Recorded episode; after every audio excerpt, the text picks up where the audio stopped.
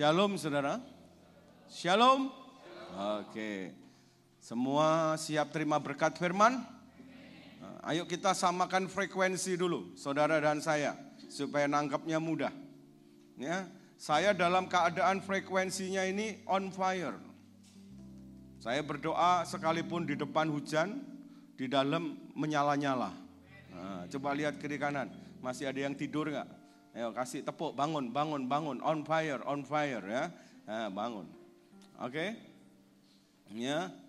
Nah, saudara, hari ini saya mau bicara yang beda dengan tadi pagi. Ada yang ikut ibadah pagi siang? Oh, bagus. Berarti Bapak mau diberkati besar. Nah, Oke. Tadi pagi direkam nggak? Direkam ya. Ini direkam juga. Oke, kalau mau dapat lengkap, minta rekaman di belakang. Hah? Oh di YouTube ada. Ya. Oh puji Tuhan, masuk YouTube. Dan hari ini, kan saudara hari-hari ini sedang diajak untuk memberikan persembahan sulung. Nah, hari ini saya mau bagikan makna prinsip persembahan sulung. Supaya mungkin yang nggak ngerti atau salah nangkap jadi ngerti. Nah, saya mau ajak saudara melihat dari kisah seorang janda. Hari ini yang janda berbahagialah dia. Kok nggak ada yang amin? Oh nggak ada janda di sini, puji Tuhan. Semua punya pasangan. Amen. Dan yang tidak punya pasangan berarti dia bukan janda di sini. Dia sedang single dan menanti pasangan. Amin.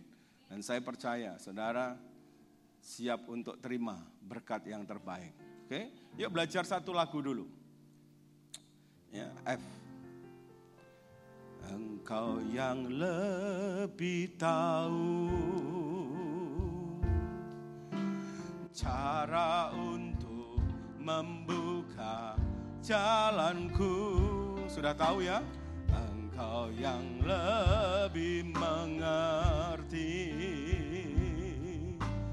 cara untuk menolong hidupku. Katakan, ku percaya kau Tuhan yang tak pernah gagal menjadikanku lebih dari pemenang Ku percaya kau Tuhan yang tak pernah lalai menepati janji-janjimu. Udah tahu ya lagu ini ya? Nah, hebat. Engkau yang lebih tahu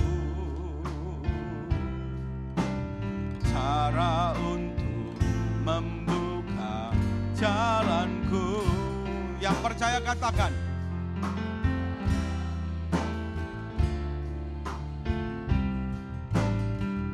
Cara untuk menolong hidupku. Ayo yang percaya nyanyinya yang kuat. Percaya kau Tuhan yang tak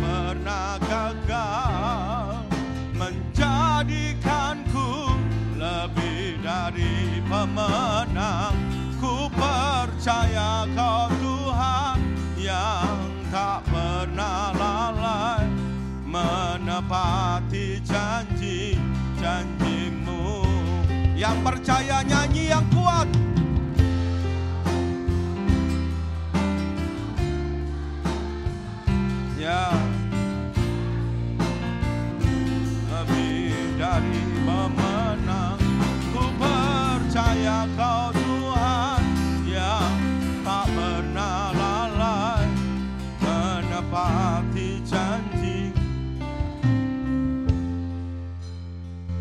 Waktu saya khotbah, keyboard aja yang main ya. Oke, ayo buka Lukas 4 ayat 25 dan 26. Lukas 4 ayat 25 dan 26. Kita lihat di depan aja, ya, nggak usah buka Alkitab, ditolong dengan LCD. Kalau saudara mau ini hal lain saudara lakukan, nggak usah buka Alkitab. Kalau punya kertas, catat Saudara dapat rema apa dari apa yang saya khotbahkan hari? Nah itu penting. Rema itu artinya yang Tuhan bicara pribadi sama saudara. Nah kalau itu saudara kerjakan, maka saudara akan mengalami terobosan. Nah, catat apa yang saudara rema yang Tuhan bicara buat saudara. Oke? Ayo baca sama-sama dengan suara tahun 2020.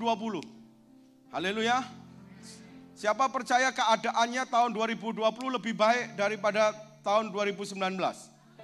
Berarti suara saudara tahun 2020 harus lebih baik dari tahun 2019. Ya, ayo baca dengan suara tahun 2020. Dua, tiga. Dan aku berkata kepadamu, dan kataku ini benar. Pada zaman Elia terdapat banyak perempuan janda di Israel. Ketika langit tertutup selama tiga tahun dan enam bulan, dan ketika bahaya kelaparan yang hebat menimpa seluruh negeri. Perhatikan ayat 26, tetapi Elia diutus bukan kepada salah seorang dari mereka, melainkan kepada seorang perempuan janda di Sarfat, di tanah Sidon. Nah saudara perhatikan baik-baik, satu kali Yesus itu ngomong menceritakan sesuatu yang pernah terjadi di masa lampau. Dan apa yang diceritakan Tuhan ini, Tuhan bilang, ayo serius ya, dengerin apa yang aku ngomong. Sampai dia ngomong begini, buka ayat 25. Kataku ini benar. Loh, sampai ditambah itu loh. Kataku ini benar. Jadi aku nggak main-main ini ngomong. Apa yang dia ngomong? Dia cerita. Di zaman Elia, waktu itu terjadi kekeringan dan kelaparan yang hebat karena hujan tidak turun selama tiga setengah tahun. Maka Elia yang sebelumnya dipelihara Tuhan di tepi sungai Kerit.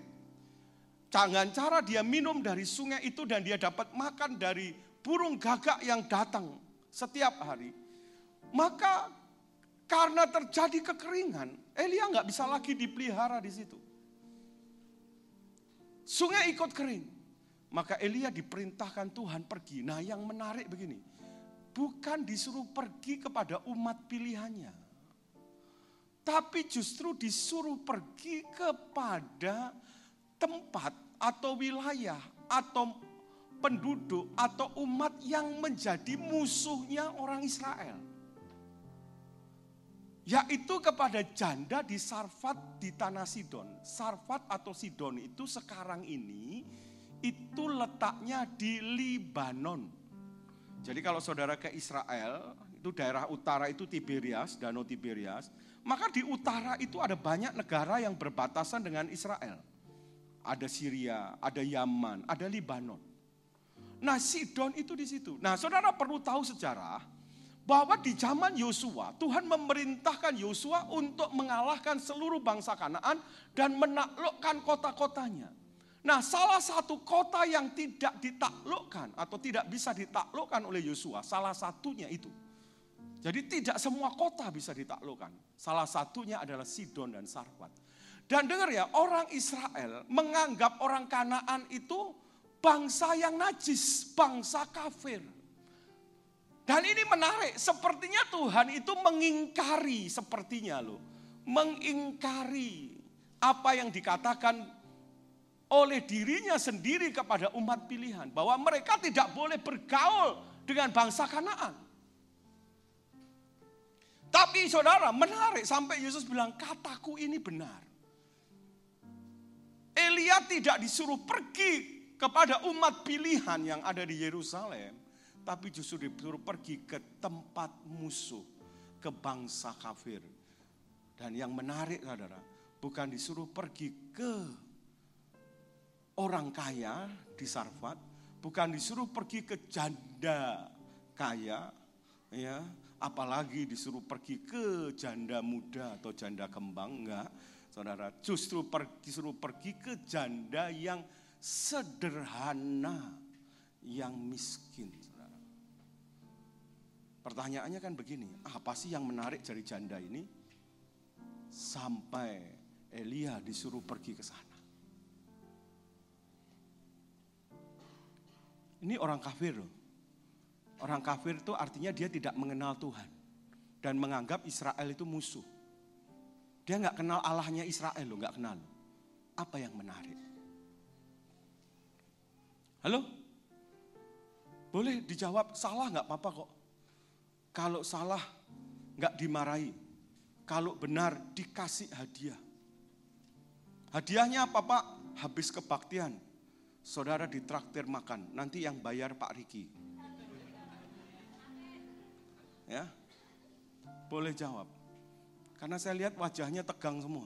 Begitu dengar ditraktir makan, saya lihat agak cerah.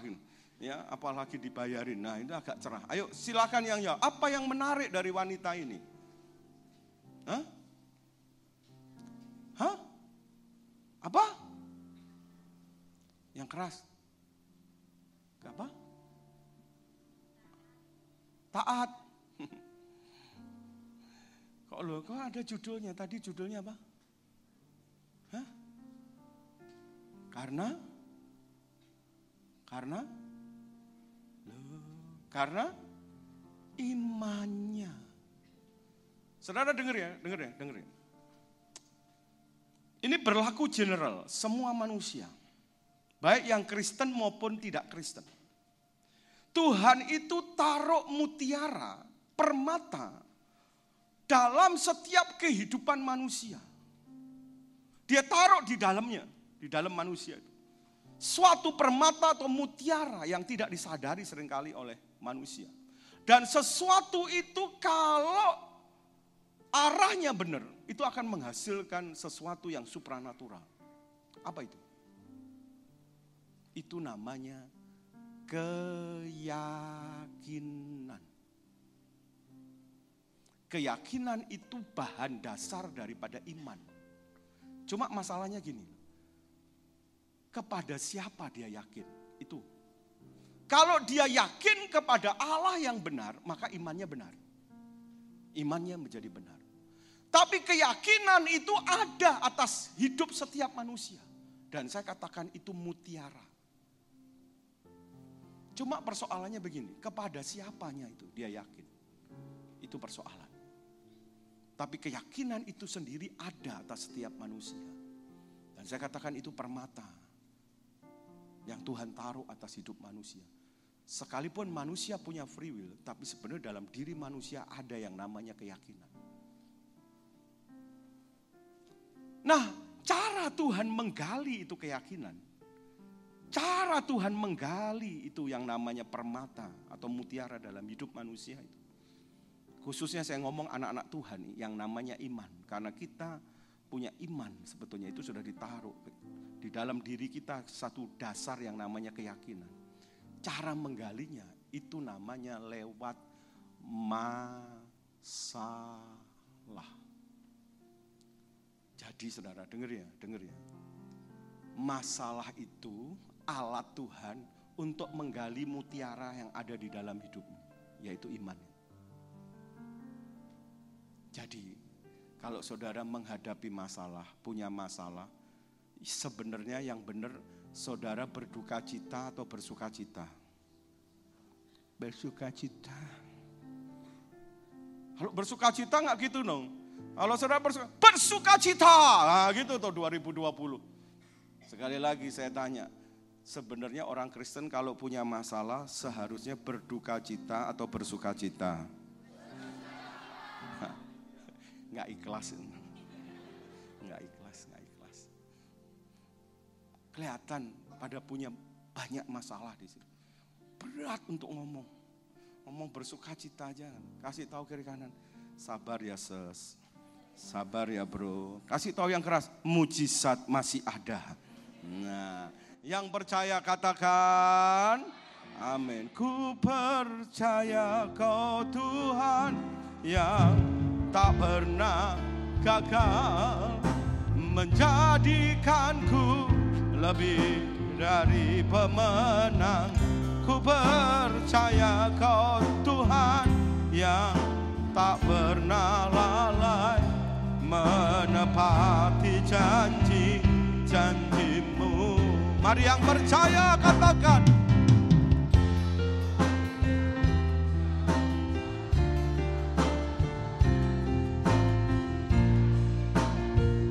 Lebih dari pemenang Ku percaya kau Tuhan yang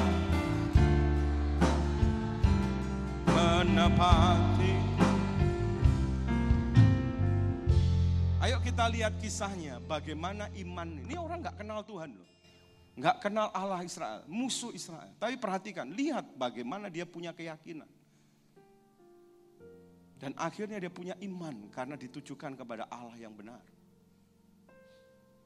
Nanti baca di rumah satu Raja-Raja 17 kita buka ya saudara, kita nggak usah baca semua. Saya beri pengantar lalu kita nanti baca ayat 13. Nah saudara, satu kali setelah sungai Kerit itu kering maka Elia diperintahkan pergi ke Sarfat ke Sidon. Nah waktu Elia untuk dipelihara seorang janda yang sederhana. Nah tentunya Elia pergi ke sana, dia taat pagi itu sampai di Sarfat, dia kan mikir juga, yang mana ini? Karena di Sarfat juga mungkin banyak janda. Nah untuk mengerti, mengkonfirmasi, maka dia membuat tes, mengetes. Nah pada waktu dia ada di pintu gerbang sama uh, di pintu gerbang Sarfat, dia melihat ada perempuan sedang mengambil kayu kering. Lalu dia untuk ngerti apakah ini benar dari Tuhan, lalu dia tes dengan minta air, berikan aku sedikit air. Nah saudara perlu ngerti bahwa air waktu itu juga komoditas yang mahal.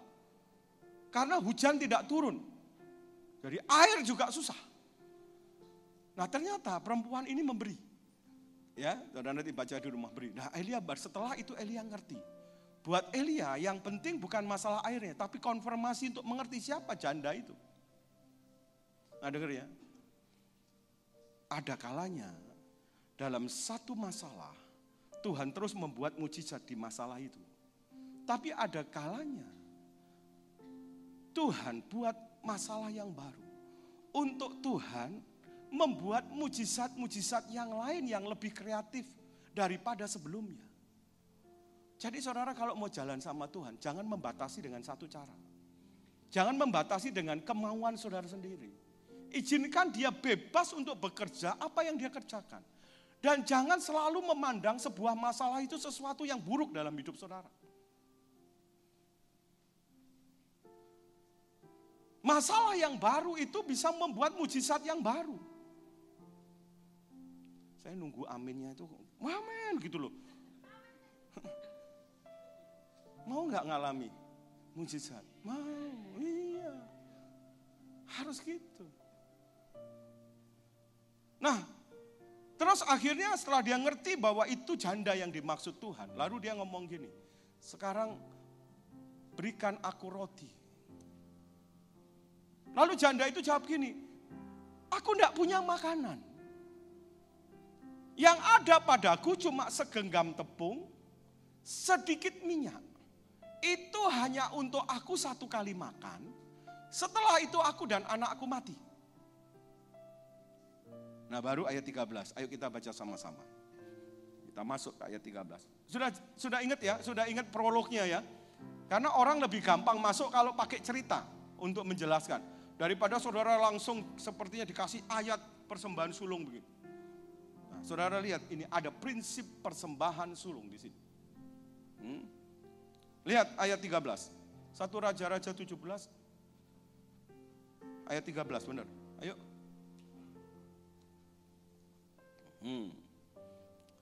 Coba, ada, tadi saya lihat di sini punya Alkitab bahasa Inggris ya. Nanti kalau saya minta tolong di, di, dikeluarkan. Ayo kita baca sama-sama. Siap? Baca dengan suara 2020. Karena saya percaya jemaat sore ini istimewa. Karena istimewa Tuhan mau kasih berkat istimewa. Makanya kalau baca harus istimewa. Ya, Oke, okay. ayo baca sama-sama. Dua, tiga. Tetapi Elia berkata kepadanya, "Janganlah takut, pulanglah, buatlah seperti yang kau katakan. Tetapi buatlah lebih dahulu garis bawahi, buatlah yang keras, buatlah yang keras, buatlah lebih dahulu bagiku sepotong roti bundar kecil daripadanya dan bawalah kepadaku. Kemudian barulah kau buat bagimu dan bagi Saudara perhatikan, sulung itu artinya yang pertama. Coba saudara lihat, kenapa ada prinsip buah sulung? Karena ada kata gini, buatlah lebih dahulu. Nah perhatikan saudara, begitu Elia ngomong, ya padaku nggak ada makanan, cuma ada segenggam tepung, sedikit minyak, hanya untuk satu kali makan. Terus Elia bilang gini, oke okay, nggak usah takut kamu, pulang sekarang, buat seperti yang kau katakan. Jadi kamu buat aja kue, seperti yang kamu katakan tadi, cuma punya segenggam tepung, sedikit minyak. Ya, tetapi buatlah lebih dahulu. Jadi Elia bilang gini, kamu buat kue, tapi buat dulu buat aku. Sepotong roti bundar kecil. Ya, sepotong roti bundar kecil daripadanya. Coba lihat dalam bahasa Inggris. Kita akan dapat prinsip. Nah, coba perhatikan kata but, kata-kata but ya, make me, ya, a little cake first. Ya. Kalau dalam bahasa Inggris yang terjemahan yang lain, ada juga make me a small cake first. Saya tanya ya, saya tanya ya. Buat saudara, buat saudara, mana yang jadi perhatian kata-kata tadi? Make me a small cake first. Bingung. Kalau bingung tak kasih Dua jawaban saudara milih. Kalau masih bingung, kebangetan. Saya percaya jemaat sore jemaat yang istimewa. Karena istimewa jemaatnya cerdas-cerdas. Tidak ada yang bodoh. Semua pinter-pinter. Kalau ditanya mau jawab. Nggak ada yang bisu. Mulutnya bisa bersuara saya kasih alternatif jawabannya. Mana yang jadi perhatian saudara? A little cake atau first? Yang keras. Yang keras. Ha. Prinsip persembahan sulung itu yang harus saudara mengerti. Nomor satu itu bicara mengenai sikap hati, itu yang lebih penting. Yaitu mendahulukan Tuhan. Ini sama dengan Amsal 3 ayat 9. Coba lihat Amsal 3 ayat 9. Amsal 3 ayat 9. Ya. Coba lihat ya. Muliakanlah Tuhan dengan hartamu dan dengan hasil pertama dari segala penghasilanmu. Kasih bahasa Inggrisnya. Honor the Lord yang ditaruh Tuhan di depan bukan hasil pertamanya. Bukan persembahannya. Tapi yang ditaruh pertama adalah honor your God. Bahasa Indonesia kurang pas. Bukan muliakanlah. Tapi honor itu hormatilah Tuhan. Jadi memberi persembahan sulung itu yang paling penting saudara harus lihat. Yang harus saudara perhatikan lebih dulu adalah sikap hati saudara. Apakah saudara punya rasa hormat? Apakah saudara punya rasa mendahulukan Tuhan? Saudara sadar sepenuhnya Tuhan yang memberkati hidup kita adalah Tuhan yang berdaulat penuh atas hidupku. Itu harus ada sikap itu. Sama seperti pepatah mengatakan, ada orang bisa memberi tanpa mengasihi. Ada loh. Tapi kita tidak bisa mengasihi tanpa memberi. Yang penting ada sikap hati itu. Hati yang menghormati karena dia berdaulat. Apa sih Pak berdaulat itu artinya? Dia berkuasa penuh atas hidup kita. Dia yang menentukan hidup kita. Kalau dokter bilang begini, eh umurmu nggak lama loh, penyakitmu berat. Paling paling lama dua bulan. Itu dokter ngomong begitu. Tapi kalau Tuhan bilang, enggak, sekalipun penyakitmu berat, tapi umurmu akan panjang. Saya mau tanya, panjang menurut saudara, saudara percaya yang mana? Percaya dokter atau percaya Tuhan? Kenapa? Itu yang artinya berdaulat. Dia yang menentukan. Sebaliknya, kalau dokter bilang penyakitmu ringan, tak kasih obat, kamu akan sehat umur panjang. Tapi Tuhan bilang enggak, kamu akan mati. Mati enggak? Mati. Kepada Allah yang seperti ini kita mesti menghormati. Oleh karena itu persembahan sulung itu dasarnya adalah sikap hormat kita. Karena kita percaya dia itu Tuhan yang menentukan hidup kita. Percayalah, sekalipun mungkin keadaanmu belum baik hari ini, dia tidak akan pernah melepaskan matanya dari hidupmu. Dia sedang menyusun seperti orang menyusun puzzle, supaya tiba waktunya. Engkau akan alami yang terbaik dari dia. Kalau saudara berkata, saya kasih tahu, kalau saya berkata, aduh pak, sakit pak. Kok nggak selesai-selesai? Itu artinya saudara belum di ending daripada puzzle yang dia susun. Percayalah, ikut Tuhan itu pasti akhirnya bahagia. Makanya ada pepatah ikut Tuhan itu ngeri, ngeri, sedap. Jadi kalau saudara sekarang ini masih ngalami yang nggak enak, yang menyakitkan, itu artinya saudara belum di ending. Iya pak, tapi ini pak, kok lama sekali? Iya nak, waktumu bukan waktuku, rancanganmu bukan rancanganku. Tapi percayalah, kalau saudara mengerti betapa kasihnya Tuhan pada saudara, hal penderitaan sekalipun masalah yang menyakitkan pun itu baik buat kita. Karena sedang melatih iman otot-otot rohani kita. Untuk kita ini akhirnya makin kuat dan makin perkasa di dalam Tuhan.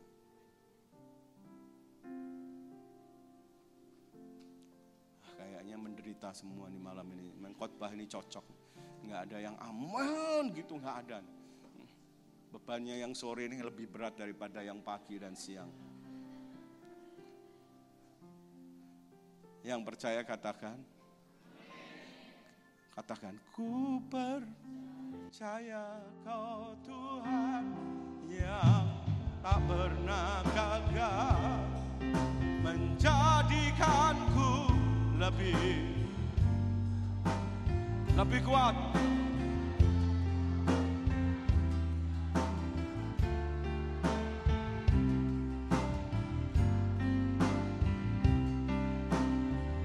benar percaya, katakan yang kuat.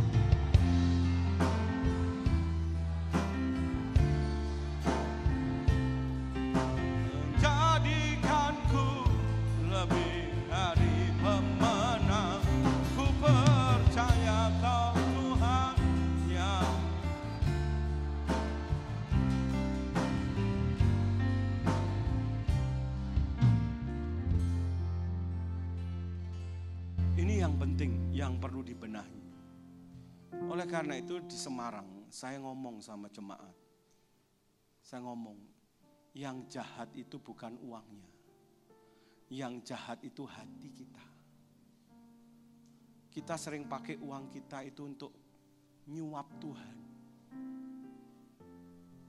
Kita sering pakai uang itu untuk mengelabui Tuhan. Nah, yang jahat itu, ya orang kan gitu sekarang tuh banyak orang begitu. Mana pak? Saya sudah kasih. Mana mujizatnya? Mana? Oke saya kasih pak.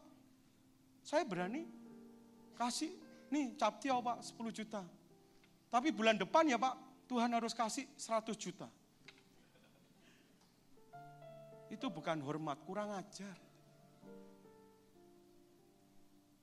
Gak begitu. Waktu bawa ini loh yang lebih diperhatikan Tuhan minta. Bukan ininya. Yang lebih diperhatikan itu ininya, ini, ini. Yang jahat itu ini. Karena manusia itu begitu, begitu lihat duit hatinya langsung jahat.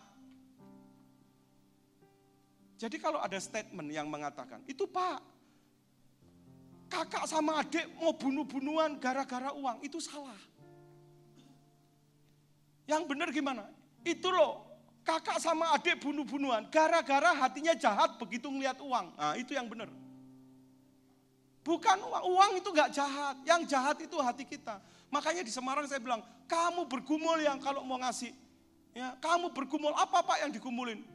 Yang digumulin itu hati. Banyak kan orang gini tuh, saya tak bergumul pak ngasih persembahan sulung. Berapa yang Tuhan mau ngomong? Berapa jumlah yang Tuhan mau saya ngasih? Enggak usah. Bergumul sama hatimu. Yang jahat itu hati kita. Orang kalau udah ngeliat duit, suami bisa nggak jadi suami. Suami istri bisa tengkar, bisa cerai. Loh benar. Orang tua anak bisa musuhan, nggak ngomong sampai mati. Begitu ngeliat duit, yang jahat siapa? Bukan duitnya, yang jahat hatinya.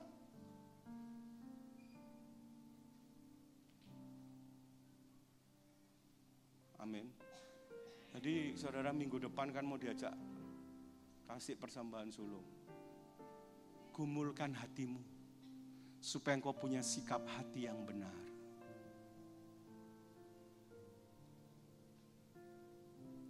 Saya punya istri satu, punya anak tiga.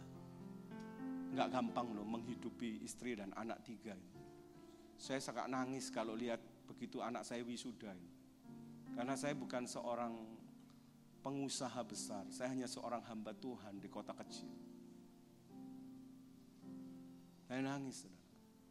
Saya nggak pernah diajari berapa banyak saya harus keluarkan uang untuk hidup mereka.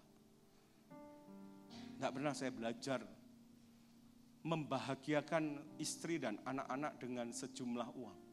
Berapa-berapa, saya nggak pernah ditarget juga sama mereka.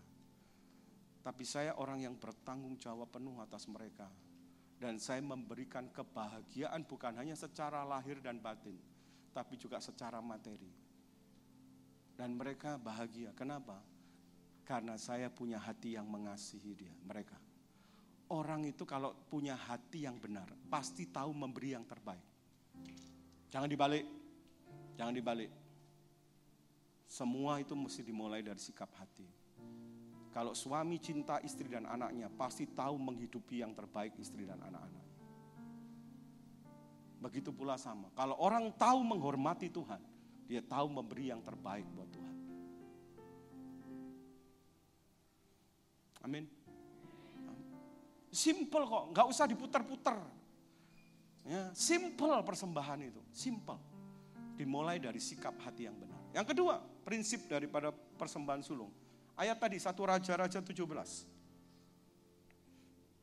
Ayat 13.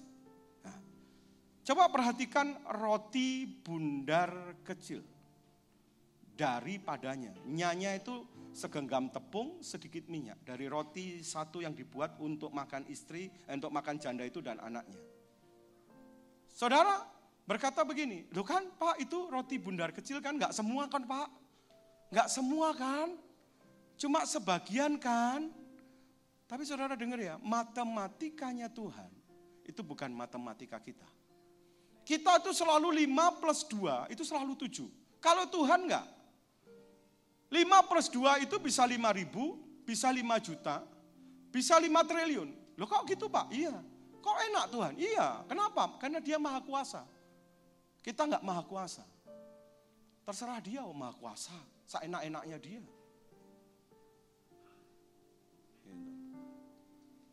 Makanya saudara, sekalipun kita ini orang Kristen, ya, saudara nanya ke saya, saya jawabnya gitu. Kok saya kok pak jadi Kristen kok hidup saya susah? Ya terserah Tuhan. Ya kan? Yang punya kita dia kok. Mau saudara diinjak-injak, mau saudara dielus-elus, mau saudara dinain alpat, terserah dia toh. Wong kita ini punya dia. Ya, nggak usah ngeluh toh. Haleluya. Tapi saya percaya di sini semua dinaikkan alpat semua. Nggak ikhlas, nggak jadilah, nggak jadi. Aminnya kayak begitu. Nah, coba lihat ya. Sekalipun itu kecil, tapi itu sama dengan dia memberikan nyawanya dan nyawa anaknya kepada Tuhan. Nah, sekarang tergantung saudara memandangnya, small cake ini. Kalau saudara memandang small cake itu bagian dari roti yang dia harusnya buat segenggam tepung sedikitnya, itu memang sebagian. Tapi saudara memandangnya bisa yang lain juga. Gimana Pak? Saya bisa memandang itu semua. Nah coba, gimana caranya memandang? Tergantung saudara memandang. Waktu dia buatkan roti kecil itu, saya mau tanya, roti kecil itu dikasih semua enggak? Atau masih begini, waktu dia udah buat roti kecil, waduh, sekalipun kecil, aku cuma bagian juga. Seharusnya kan dia segini nih. Nah segini dibu, diambil, dibuat dulu untuk Elia kan. Kecil kan, diambil daripadanya, enggak semua loh. Jadi saudara perlu ngerti kalau Tuhan perintahkan itu pasti kita bisa melakukan. Cuma masalahnya mau atau enggak. Nah saya tanya, begitu sudah buat roti kecil kan dibuatkan buat Elia dulu kan dikasih kan, baru dia buat buat dia dan anaknya kan lebih kecil lagi berarti. Ya dibagi jadi istilah dibagi. Tapi cara pandang itu bisa berbeda juga. Waktu small cake itu sudah dibuat, saya mau kasih tahu, small cake ini dikasih semua nggak ke Elia? Atau masih dipotong lagi kecil lagi? Hah? Biarin, Elia, ini udah zaman susah loh Elia ini zaman kekeringan lo, kelaparan lo Elia. Ya. Ini zaman udah susah. Zaman kekeringan. Elia kami nggak punya apa-apa Elia. Kamu juga tega-teganya minta. Tak coba dulu ya. Yang kecil ini. Ya, tak, tak cicipi dulu lah, tak cicipi baru. Gitu nggak? Hmm? Saya tanya nih, saya tanya nih. Mumpung nggak ada gembalanya. Kalau di Bengkulu ini terjadi kelaparan hebat, nggak ada makanan. Cuma ada sedikit makanan di gereja ini. Siapa yang sebenarnya lebih dulu makan? Gembalanya atau jemaatnya? Yang benar. Eh? Eh? Dengan kata lain begini pertanyaan, siapa yang harusnya mati duluan? Gembala apa jemaatnya? Loh kan, ketawa nggak jawab toh, siapa harus mati duluan? Direkam loh, ini direkam loh, direkam, jujur ngomong. Itu kan sikap hati. Kan nggak ada tuh diambil sedikit. Berarti dari roti kecil bunduar itu juga dikasih semua. Nah saudara memandang aplikasi ini begini, mengaplikasikan. Pak Niko itu dapat, supaya kita ini contoh yang bekerja. Dari gaji bulan Januari itu dikasih semua. Nah saudara kalau memandang itu, ya wah saudara berat. Masa semua? Nah tergantung cara mandangnya. Siapa percaya keadaanmu akan lebih baik tahun 2020? Siapa percaya? Begitu. Angkat tangan tinggi-tinggi. Kalau percaya angkat tangan. Nah saya mau tanya, sudah terjadi belum? Tapi saudara percaya kan? Itu iman. Termasuk berkatmu akan lebih besar daripada tahun 2019 kan? Nah, kalau saudara bandingkan, kan gaji satu bulan gaji itu kan diambil dari satu tahun berkat. Itu sama dengan small cake itu. Jadi gaji satu bulan itu cuma sedikit sebetulnya. Dari berkat selama satu tahun. Kita kan percaya berkat bukan cuma bulan Januari aja. Kita percaya kita akan diberkati sepanjang tahun ini lebih besar. Jadi kalau kita ngambil seluruh gaji kita di bulan Januari, semua itu sebenarnya cuma small cake itu tadi. Nah makanya masa sih kita mendahulukan Tuhan masih mau diambilin, diambilin, dipotong telepon, dipotong apalagi listrik, dipotong ini, dipotong ini, dipotong ini, dipotong ini.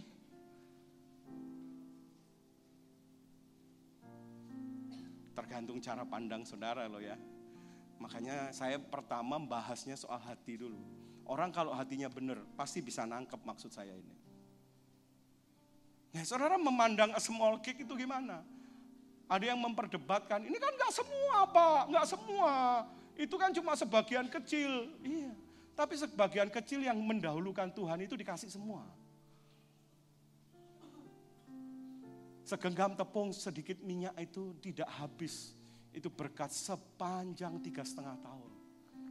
Jadi sebenarnya yang diambil itu cuma sebagian kecil. Tapi sebagian kecil itu nggak diambilin lagi, dikasih semua small cake-nya. Nggak gini loh, Elia, aduh, mestinya kan lu mati duluan. Ya kan lu pendeta. Ya, ya wis saya itu rela kok rela, tak buatin. Tapi coba ya tak cicipin dulu ya, small cake enak nggak? Kayak gitu.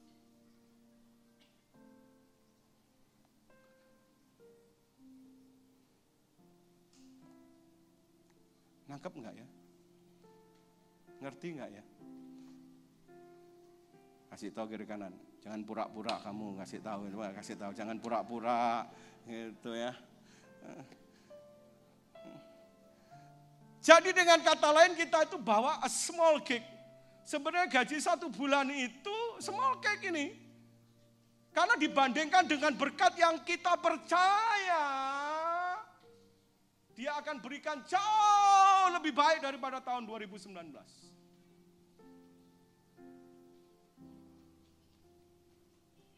Jadi kalau saudara bawa persembahan sulung, itu artinya saudara benar-benar percaya. Saudara bawa itu seluruhnya dari gaji bulan Januari. Itu berarti saudara percaya bahwa keadaanmu, berkatmu akan jauh lebih baik sepanjang tahun 2020 daripada tahun 2019. Karena itu sebetulnya yang semua gaji bulan Januari itu hanya cuma small cake. Iman saudara bukan bulan Januari, bukan hanya berkat di bulan Januari, tapi sepanjang tahun ini.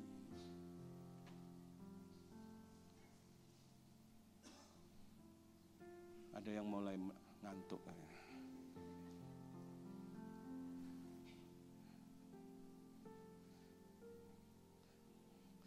Istri saya itu nggak pernah bergumul soal jumlah, saudara. Saya selalu bergumul hati saya. Dari tahun 2011, Pak Niko kasih ini. Kemarin istri saya dipakai Tuhan untuk mengingatkan. Enak kalau punya istri takut akan Tuhan. Ya, kalau saudara mau suami istri menjadi suara Tuhan, biasanya istri itu adalah yang menjadi penyambung suara Tuhan. Kenapa? Biasanya istri itu lebih tidak pelit jadi saudara kalau mau dipakai Tuhan menjadi alat suara Tuhan, suami istri, mana yang jadi alat Tuhan? Saudara pilih di antara suami dan istri itu yang tidak pelit. Itu pasti benar suaranya. Kalau saya sama istri saya jujur, saya pelit perhitungan soal duit. Kalau istri saya itu murah hati. Makanya kalau saya punya duit, saya serahkan semua ke dia. Dia langsung potong perpuluhan, persembahan apa, nabur, kasih, kasih. Dia ngomong, sepakat gitu. Kalau dia ngomong, saya pasti sepakat soal Tuhan. Dan banyak mujizat, saudara. Tiga tahun ini saya kasih mobil. Sepanjang tiga tahun ini. Waduh, miracle. Saya nggak pernah minta khusus. Saya nggak pernah doa puasa minta mobil, nggak pernah. Pernah. Saya pernah saksi di sini 2018 akhir ulang tahun saya, satu tahun yang lalu, saya dikasih all new CRV baru. Saya nggak pernah bergumul soal itu. Kemarin istri saya langsung bilang gini, ingat ya, gajimu satu bulan, gajimu pendeta satu bulan, kasih ke sentul. Siap, saya bilang. Dan saya nggak punya permintaan khusus tuh waktu ngasih kayak gini. Captio Tuhan, captio ya. Tahun de, tahun bulan depan loh Tuhan, jangan lupa cepet tio, cepet tio. Kurang ajar itu. Saya nggak pernah punya pergumulan khusus waktu memberi. Karena saya percaya sepanjang tahun ini dia akan pelihara dan berkati saya lebih baik daripada tahun sebelumnya. Yang percaya tepuk tangan yang meriah. Ku percaya kau Tuhan yang tak pernah menjadikanku lebih dari pemenang. Ku percaya kau Tuhan yang tak pernah lalai Menepati janji-janjimu Ku percaya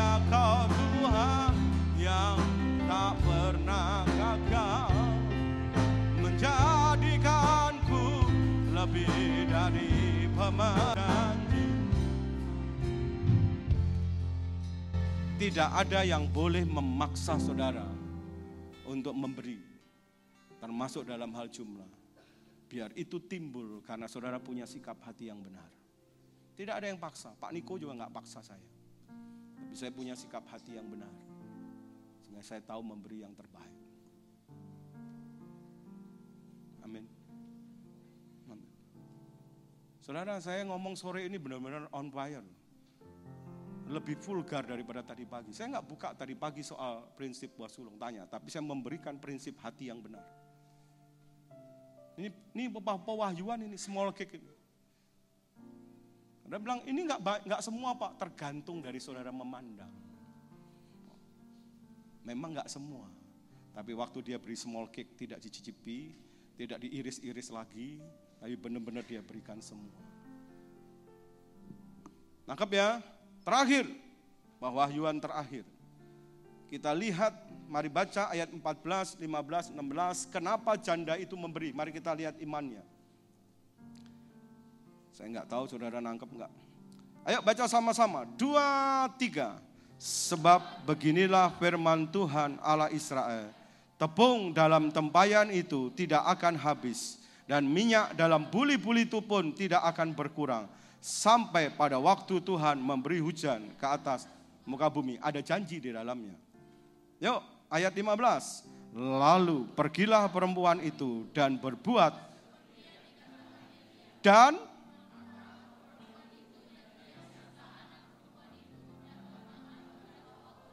Ayat 16. Tepung dalam tempayan itu tidak habis dan minyak dalam buli-buli itu tidak berkurang seperti firman Tuhan yang diucapkannya dengan perantaraan Elia. Ayat 15, coba lihat. Lalu pergilah perempuan itu dan, yang keras, dan berbuat seperti yang dikatakan Elia. Kenapa dia memberi? Sekalipun dia tidak mengenal Allah Israel, tapi pada waktu Elia datang dan Elia menyampaikan pesan Tuhan kepada dia Firman yang datang kepada dia itu yang namanya rema, yang bicara pribadi. Makanya tadi saudara saya suruh nyatet di awal. Dari sekian khotbah hampir satu jam ini, pasti ada yang Tuhan ngomong sama saudara secara pribadi. Nah itu maksudnya. Nah begitu juga dengan itu, sekalipun nggak kenal. Tapi orang ini coba perhatikan, dia memperhatikan dengan seksama apa yang dikatakan oleh Elia. Artinya dia sangat menghormati Allah. Dan dia percaya bahwa Elia ini utusan Tuhan. Sekalipun dia tidak kenal siapa Allah itu, tapi dia percaya.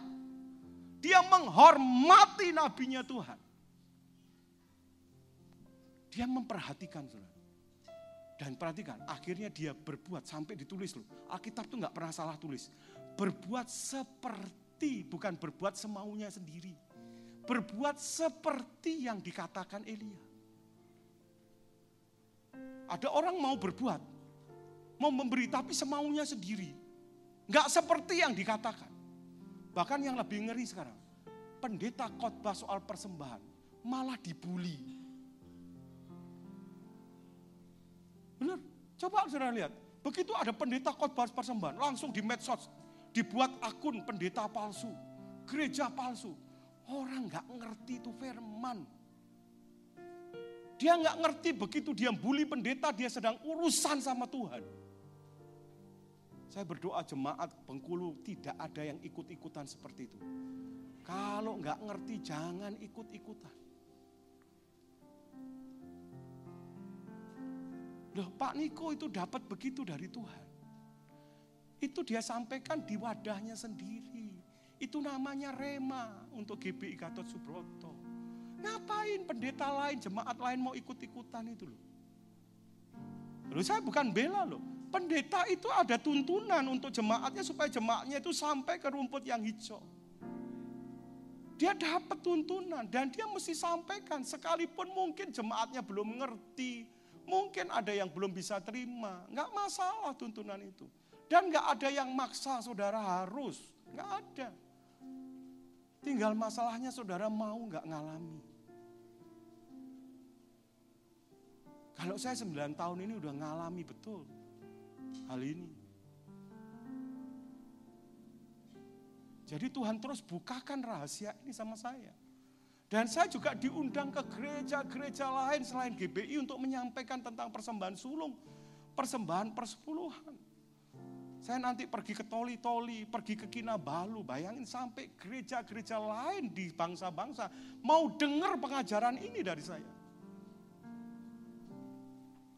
Karena mereka lihat saya mengalami dari minus gereja, minus berkecukupan sampai berkelimpahan sekarang. Untuk bisa jadi berkat sampai ke bangsa-bangsa. Dan saya kalau bawa tim bisa 16 sampai 20 orang. Sekali perjalanan itu minim sudah puluhan juta, bahkan di Soe kita sampai ratusan juta. Karena kita ngalami. Itu rema buat gereja ini. Malah sampai teman saya itu ada yang begini, Pak. Tolong saya Pak, kenapa? Kamu Bapak setahun sekali ke sini Pak, khotbah keuangan. Loh kamu dong gembalanya. Aduh Pak, saya takut Pak. Loh kok takut? Iya Pak, kalau saya khotbah jemaat saya membuli saya Pak. Bayangin. Gimana kematesan gerejanya nggak bertumbuh, gerejanya nggak berkembang. Pendeta ngomong soal keuangan dibully. Hari ini kita diminta belajar dari iman orang kafir, saudara bangsa kafir namanya janda di Sarfa.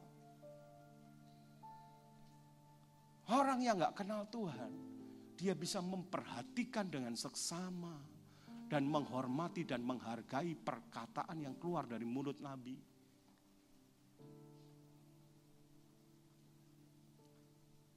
Saya berdoa saudara memperhatikan, nggak apa-apa, nggak ada yang maksa. Sekali lagi, tidak ada yang boleh memaksa. Hari ini biarlah Tuhan bicara pribadi demi pribadi buat saudara. Tapi kalau saudara nggak ngerti, belum bisa nangkep, jangan pernah membuli hamba Tuhan. Yang setuju katakan, amin. Yang mau katakan, amin. Ku percaya kau Tuhan yang tak pernah lebih dari pemenang. Ku percaya kau Tuhan yang tak pernah lalai Menepati janji-janjimu Sekali lagi Ku percaya kau Tuhan yang tak pernah gagal Menjadikanku lebih dari pemenang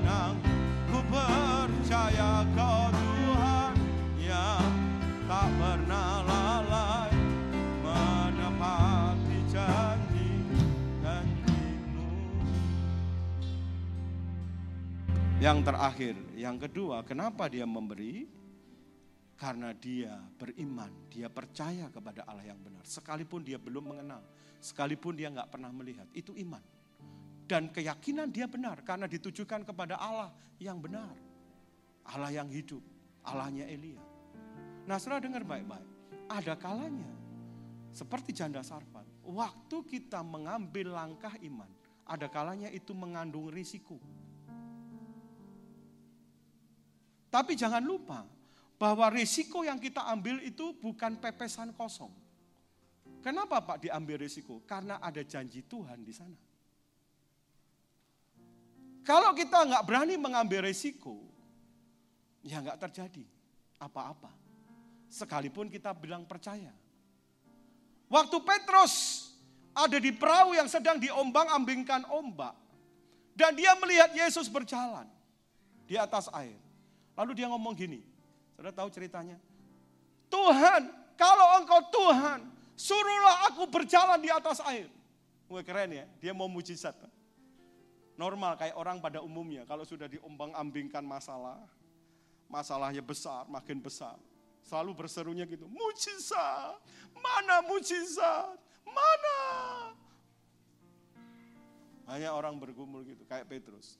Lalu Tuhan Yesus ngomong apa? Dia nggak langsung menghentikan ombak dulu loh. Dia nggak menghentikan badai langsung loh. Dia nggak bilang, aduh kasihan ya murid-muridku, udah ikut aku tahunan. Masih dilanda badai, masih dilanda ombak. Ya sudahlah, ombaknya nggak usah lama-lama. Tak berhentiin aja. Enggak. Dia bilang gini, keluar dari perahu. Keluar dan berjalanlah. Itu kalau Petrus begini ya. Keluar enggak? Keluar enggak? Ya kalau jalan. Kalau kelelep. Ya kalau kelelep langsung mati mendingan. Nah kalau ada ikan hiu, pantatku dikerikitin pelan-pelan. Kan mati pelan-pelan, sakit, sakit. Kalau begitu terus, keluar enggak? Kalau dia nggak berani ngambil risiko, sampai kapan pun dia nggak akan pernah lihat mujizat. Selama dia masih berhenti di situ dan dia hanya berpikir keluarga, keluarga, keluarga. Sekalipun dia melihat Tuhan yang Maha Kuasa, mujizat tidak akan pernah terjadi. Dan banyak orang Kristen seperti sebenarnya. Bukan dia nggak, bukan Tuhan nggak mau kasih mujizat, karena dia nggak punya keberanian mengambil risiko. Makanya saya sering ngomong, kenapa sih orang Kristen jarang ngalami mujizat? Apa kurang doa? Enggak, sudah berdoa siang dan malam. Menara sudah masuk, doa malam ikut, doa pengerja ikut, Doa apa lagi di sini? Doa puasa ikut. Apa kurang doa? Enggak. Kurang apa Pak? Kurang berani. Kasih enggak ya? Kasih enggak ya? Kasih enggak ya? Kasih enggak ya? Ya kalau dapat, kalau enggak. Gitu toh. Kayak apa terus itu? Keluar enggak? Keluar enggak? Ya kalau ya kalau jalan, kalau enggak kelelep. Kalau kelelep mati ya masih enak langsung mati kelelep. Nah kalau dikerikiti ikan hiu, pelan-pelan pantatku kan sakit semua. Ya gak keluar-keluar. Selama dia tidak keluar, sekalipun dia melihat Tuhan. Ini banyak orang Kristen dipikir, saya kan sudah berdoa, tiap hari dapat pernyataan, saya merasakan kehadiran Tuhan. Tapi kok nggak ada mujizat? Kurang berani pak, kurang berani bu. Itulah perempuan berbuat seperti itu mengandung risiko.